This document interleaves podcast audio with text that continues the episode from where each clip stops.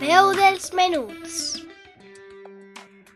Un espai de literatura, diversió i entreteniment.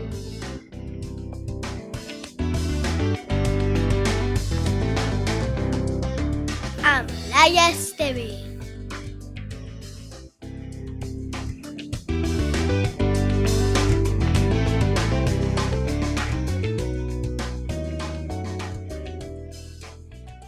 Veu dels menuts!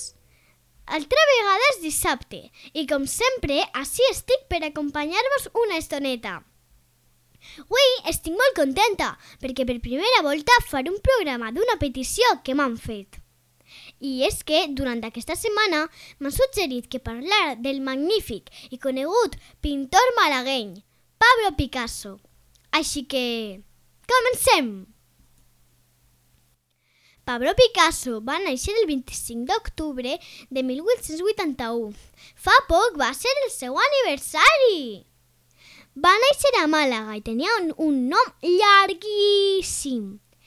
El seu nom sencer era Pablo Diego José Francisco de Paula Juan Nepomuceno María de los Remedios Ciprano de la Santísima Trinidad Ruiz Picasso.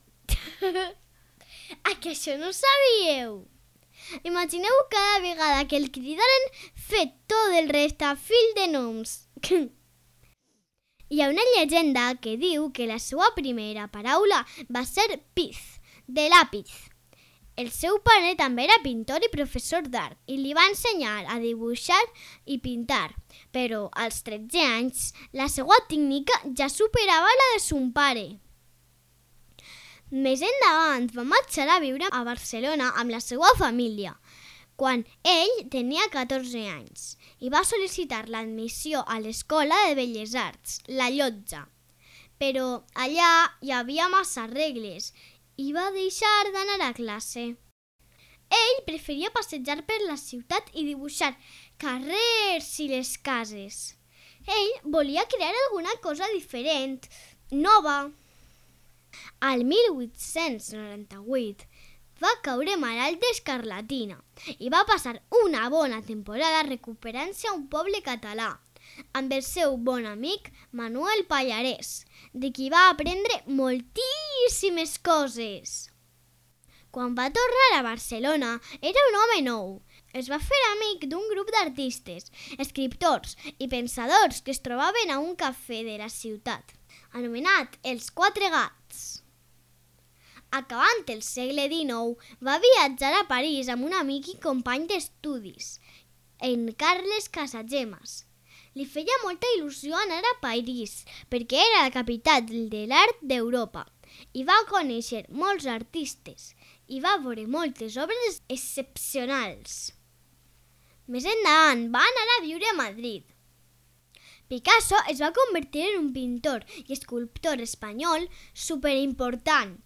Va crear més de 20.000 imatges. A més a més, és considerat un dels millors artistes del segle XX i és conegut com un dels fundadors del cubisme. Sabeu com són les obres cubistes? Doncs, quan l'artista tria dividir els objectes i tornar-los a armar en forma abstracta i geomètrica, com un trencaclosques. Una de les pintures cubistes de Picasso més conegudes és Les senyoretes del carrer d'Avinyó.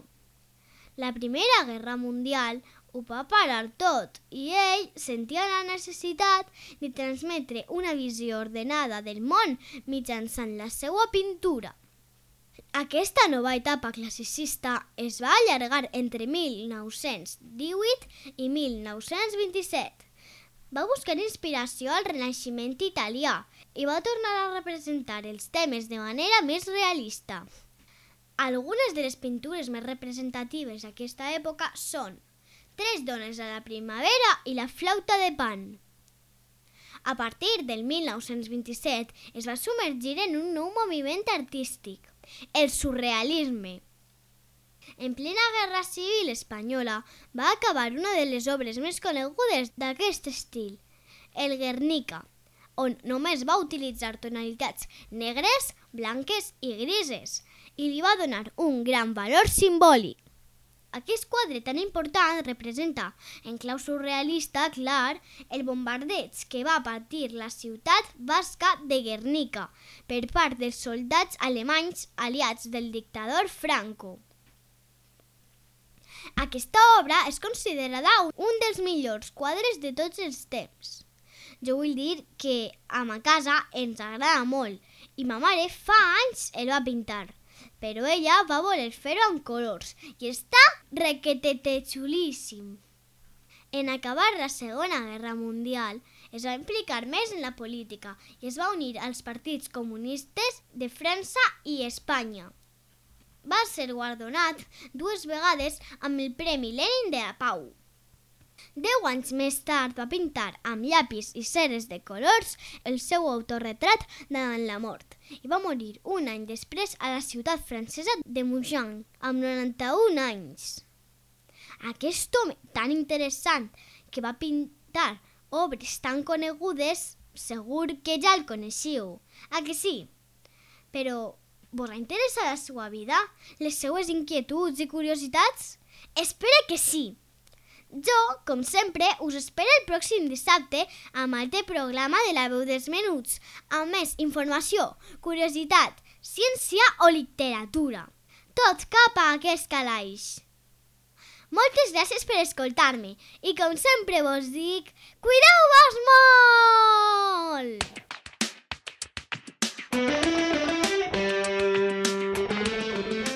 La veu dels menuts.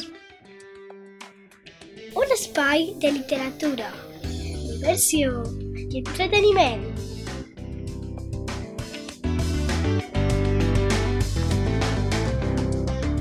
Amb Laia Esteve.